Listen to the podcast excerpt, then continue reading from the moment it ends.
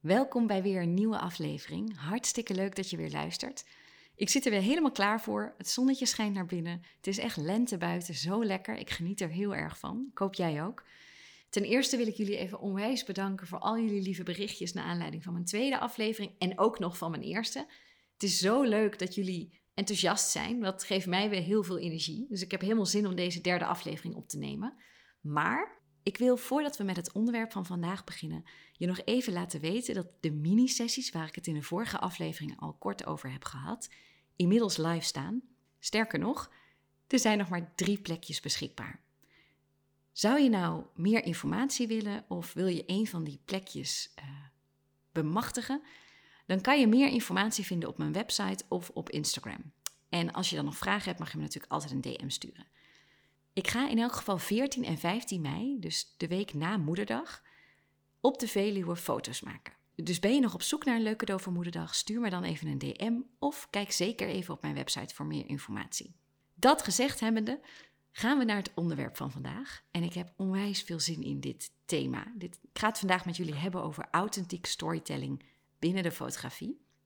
En dit zal een onderwerp zijn waar ik het vast nog vaker over ga hebben, want dit is iets hier is eigenlijk mijn hele bedrijf rondomheen gebouwd. Ik heb hier zelfs een cursus over gemaakt, dus dat zegt genoeg over hoe groot mijn passie hier, hiervoor is. En er komen vast nog heel veel afleveringen over dit onderwerp. Maar in deze eerste aflevering over dit thema wil ik met jullie teruggaan naar waar het voor mij begon. Wanneer ik mij realiseerde wat ik als fotograaf kwam doen. Waar mijn liefde voor fotografie is ontstaan. Maar voordat ik dit doe, wil ik eerst een disclaimer plaatsen. Wat ik in deze aflevering ga vertellen en ga zeggen, is mijn mening, mijn visie. En je hoeft het niet met mij eens te zijn. En ik denk dat ik voor sommige mensen die luisteren best dingen zeg waarvan je denkt, nou, zo doe ik het en voor mij werkt dit of ik vind het juist fijn. En dat is oké. Ik hoop natuurlijk dat deze aflevering je weer aan het denken zet of iets bij je triggert of je inspireert. Maar we hoeven het niet met elkaar eens te zijn. Dat is juist het leuke. Voor iedereen is er wat. Dit is wat werkt voor mij. Dit is waarom ik doe wat ik doe. Maar ik hoop natuurlijk dat je zelf ook gaat nadenken over waarom jij doet wat je doet. Wat zijn de gedachten daarachter? Wat hoop je te bereiken met de keuzes die jij maakt binnen je bedrijf? Of waar let jij op bij het boeken van een fotograaf? Goed, toen ik begon met fotograferen, dat is in 2013 eh, en toen heb ik me in 2014 ingeschreven bij de Kamer van Koophandel. In 2015 heb ik mijn eerste bruiloft gefotografeerd. Maar toen ik begon met fotograferen, ik had om me heen geen familie, geen vrienden die fotografeerden. Ik kende niemand in het wereldje. Dus ik heb ook alles vanaf het begin af aan zelf uitgezocht.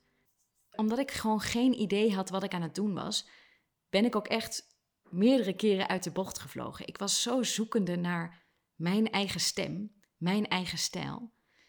En wat mij daar uiteindelijk heel erg bij heeft geholpen, is om terug te gaan, terug te gaan naar de basis.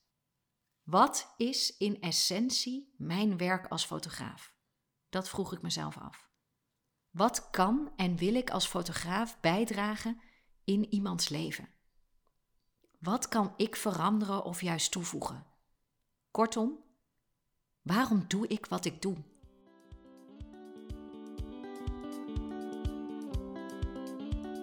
Leuk dat je luistert naar de Wianda Bongen podcast. Als je op zoek bent naar een verfrissende kijk op fotografie en het creatief ondernemerschap, dan zit je sowieso goed. Ik ben fotograaf, geef cursussen, mentortrajecten en ik krijg maar geen genoeg van persoonlijke ontwikkeling. Hier deel ik flarden uit mijn leven, mijn soms wat uitgesproken visie op fotografie en mijn leerweg als creatief ondernemer.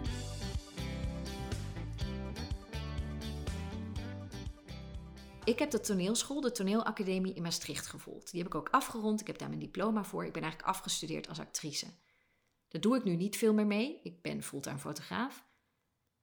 Maar wat ik tijdens mijn acteercarrière, eh, om het maar zo te zeggen, heb geleerd, of merkte, was hoe groot mijn liefde voor realiteit was.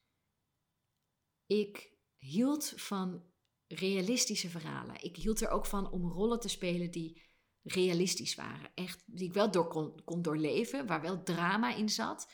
Waar ik wel mensen kon raken, of vooral mezelf kon raken, echt in kon duiken. Maar ik hield wel echt van realiteit. Dus het moest voor mij kloppen. En ik moest mee kunnen gaan in het verhaal. Absurdisme had ik niet veel meer. Comedy vond ik wel leuk, maar dan moest het wel raken. Ik hield niet zo van uh, grotesk of, of abstract of wat dan ook. Dat was op de toneelschool best wel een struggle, want je wordt natuurlijk opgeleid als veelzijdig actrice die alles kan spelen.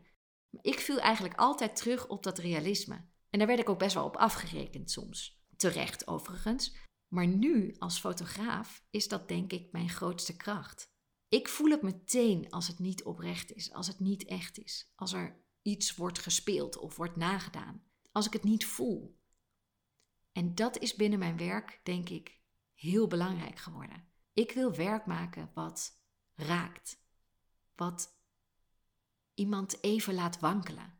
Soms van puur geluk, soms uit liefde of misschien uit verdriet. Ik wil een bepaalde impact maken op mensen met mijn werk. Mensen anders naar zichzelf laten kijken. Ik wil mensen laten zien hoe mooi ze zijn, hoe mooi de wereld is. Dat is mijn doel. En ik doe dat door heel erg authentiek werk te maken, dicht bij de persoon. Dus niet de persoon willen veranderen in iets wat diegene eigenlijk niet is. Ik zoek de schoonheid binnen de persoon zoals die is, als je snapt wat ik bedoel. En dat is best wel een struggle en het heeft ook lang geduurd voordat ik me dit realiseerde. Want ik denk dat onze maatschappij best wel is gericht op de buitenkant. En social media heeft daar denk ik een heel groot aandeel in.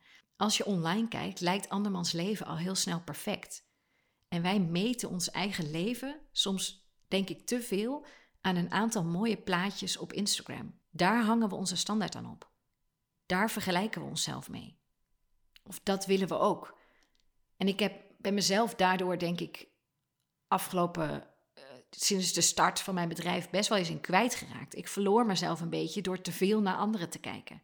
Door mezelf te veel te vergelijken en mij en mijn foto's daarmee heel erg te bekritiseren. En ik vloog daardoor ook van links naar rechts en rechtdoor en achteruit. Ik miste gewoon focus. Ik word natuurlijk dagelijks omringd met heel veel prachtige foto's van collega-fotografen van over de hele wereld. En ik merkte op den duur dat als ik mezelf hier te veel in onderdompel, als ik te veel kijk en vergelijk, dan verliest mijn eigen werk zijn waarde. Omdat ik dan zie, oh, het kan altijd nog beter, of ik ben nog niet daar, of ik kan nog niet dat. En ik blijf mezelf dan maar bekritiseren. En dus in cirkeltjes rondlopen. Ik zie dan niet meer hoe bijzonder eigenlijk het werk is wat ik mag maken. En hoe bijzonder mijn klanten zijn. En ik wilde op een gegeven moment loskomen van de verwachtingen die ik voelde vanuit anderen of die ik mezelf oplag of wat ik online zag. Dus ik besloot terug te gaan naar de basis. Waar draait voor mij in essentie mijn werk als fotograaf om? Wat zie ik bij anderen wat ik zelf niet meer wil doen? Waar voel ik weerstand? En ik kwam tot de volgende conclusie. 1. Mensen werden voor mijn gevoel te veel gebruikt als enkel Instagram-content of om een ego van een fotograaf te bevredigen. Ze fotografeerden naar mijn idee veel meer voor hun Instagram-feed of voor hun portfolio dan voor de mensen die ze tegenover zich hadden staan. En dat wilde ik niet meer. Ik wilde fotograferen voor de mensen of met de mensen, want we doen het samen. 2. Voor mijn gevoel waren er te veel fotografen die probeerden een bepaalde fame na te jagen. Door bijvoorbeeld alleen maar te focussen op het publiceren van zoveel mogelijk bruiloften bij hele grote vooraanstaande magazines of online blogs. Of door het winnen van tientallen awards met één enkele hele mooie epische foto. En dat wilde ik niet meer. In de afgelopen twee jaar ben ik twee keer op rij als finalist geëindigd voor een nominatie voor Best Wedding Story in Europe. En dat, ik kan je niet beschrijven hoe groot dat compliment was. Want dat is precies waar het voor mij om draait. Niet om één epische foto, maar om een episch verhaal. Dat is mijn werk. Ik sta niet 14 uur lang op een bruiloft om één epische foto af te leveren.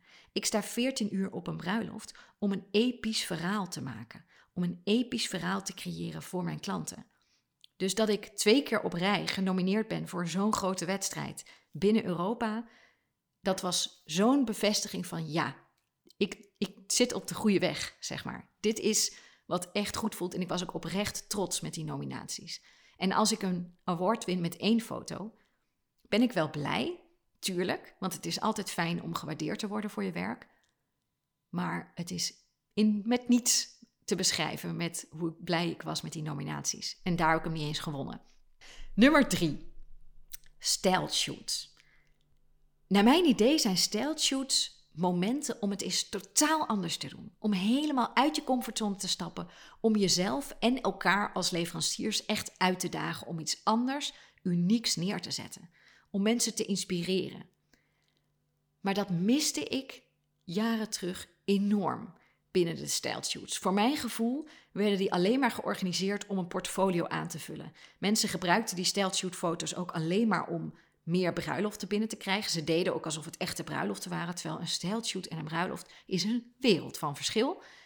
En daar wilde ik niet, aan die trend wilde ik niet meer meedoen. Dus ik besloot, daar ga ik mee stoppen. Ik, ik ga gewoon niet meer, geen stijlshoot meer doen. En als ik meedoe, dan op mijn voorwaarden. En dan echt elkaar uitdagen en prikkelen. En echt iets anders durven te doen. 4.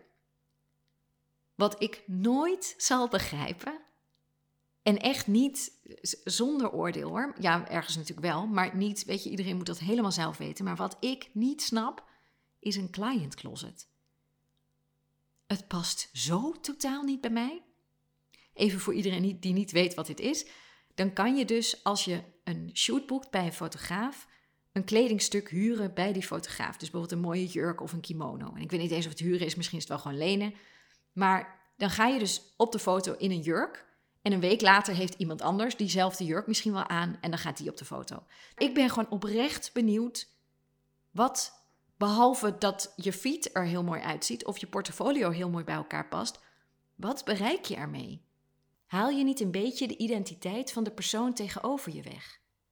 Zo voelt het een beetje voor mij. En ik heb hier zelf op een bepaalde manier ook aan meegedaan.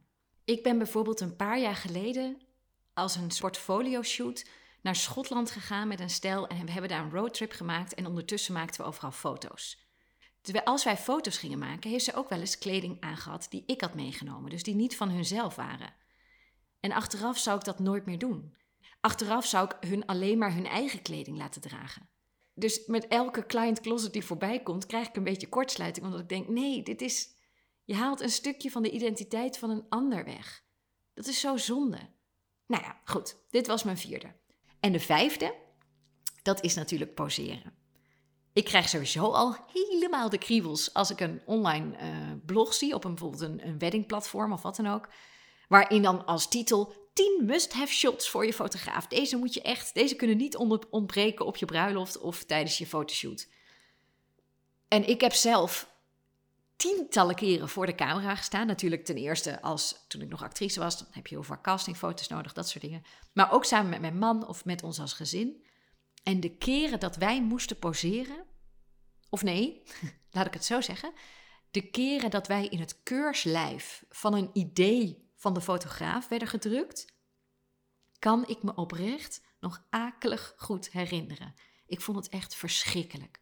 Zo ongemakkelijk en zo niet hoe ik ben. En als ik die foto's dan ook terugkijk, waarin ik, nou, dan druipt het er sowieso echt af van ongemak. Dus ik zie ook gewoon aan mezelf dat ik het verschrikkelijk vind. En ik kan dat altijd heel moeilijk uitschakelen. Ik ben een open boek qua gezicht. Maar kan er ook gewoon niet naar kijken. Dat zijn van die foto's dat als ik die zie, dan zie ik dat het een maniertje is. Dat het is bedacht door een buitenstaander, namelijk onze fotograaf. Dat is niet wie we zijn. En dat wilde ik niet meer. En begrijp me niet verkeerd, hè? Ik poseer als fotograaf ook. Maar wat ik niet doe, is poseren vanuit een pose die ik van tevoren al heb bedacht. Ik poseer mijn klanten vanuit wat ik zie gebeuren bij hun. Ik creëer mijn werk vanuit hun, vanuit wat zij mij aanbieden, vanuit de situatie die ontstaat. Niet vanuit mijn hoofd of vanuit een moodboard op Pinterest. Toen ik terugging naar die basis een paar jaar geleden en me dit realiseerde, besloot ik mijn ego mag niet meer leidend zijn. Dus wanneer creëer ik voor een ander en wanneer vooral voor nieuwe Instagram-content? Ik wilde mijn ego niet meer laten bepalen wanneer iets mooi genoeg was of wanneer niet. Dus met dat in mijn achterhoofd vroeg ik me af: waarin kan ik mezelf onderscheiden en waarin onderscheiden mijn klanten zichzelf van elkaar? Waarom word ik ingehuurd? Waarom boek je een fotograaf? Omdat misschien de tijd zo snel gaat, omdat je het niet wil vergeten, omdat je wil onthouden hoe het was, hoe het voelde. En dat is waarom tussen haakjes gewone mensen een fotograaf inhuren. Ik hoop als fotograaf als het ware even op pauze te drukken wanneer de tijd voor je gevoel door je vingers heen glipt. Dat is wat fotografie voor mij doet. Het bewaren van momenten die anders vervliegen met de tijd. En het unieke aan mijn werk vind ik dat ik gewone mensen mag fotograferen, die niet gewend zijn om hele dagen voor een camera te staan. Zij huren mij in. Zij vragen mij om hun vast te leggen zoals ze zijn. Dat is mijn werk. Dat maakt mijn werk zo uniek. Er zit geen opdrachtgever tussen. Dus, iedereen kan naar mijn idee op een hele mooie locatie met een waanzinnige zonsondergang op een berg of aan zee prachtige foto's maken. Maar daar zou naar mijn idee de focus niet zo moeten liggen, want daar gaat het in essentie niet om. Mijn werk als fotograaf doet ertoe omdat de mensen op mijn foto's er te doen. Allemaal. Ongeacht wie ze zijn, hoe ze eruit zien en of hun leven heel episch is of juist niet. Ze zijn voor mij belangrijk omdat ze vandaag bij elkaar zijn en morgen niet meer.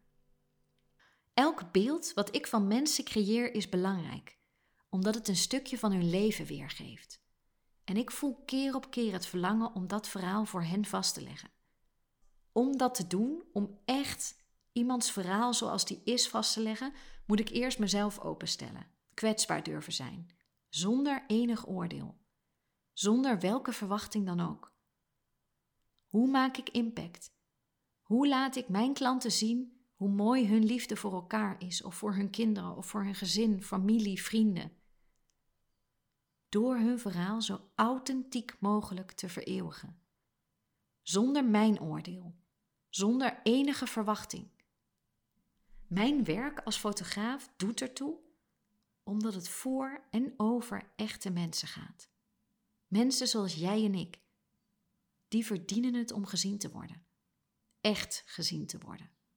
Los van die mooie jurk, los van die geweldige zonsondergang, los van die epische locatie. Dat is wat je naar mijn idee als fotograaf van mensen komt doen. Dat is mijn werk. De schoonheid inzien van mensen, precies zoals ze zijn. En dit is voor mij de basis. Dit is voor mij de essentie van fotografie. Dit is waar voor mij mijn cursus de Nieuw Epic voor over gaat. Hoe vertel je authentieke verhalen? Want de meeste levensgebeurtenissen zijn gedenkwaardig en zinvol, niet per se perfect. En hetzelfde zou moeten gelden voor de foto's. De foto's zouden gedenkwaardig en zinvol moeten zijn, niet per se perfect. Dankjewel voor het luisteren. Bedankt voor je aandacht en ik hoop natuurlijk weer tot de volgende.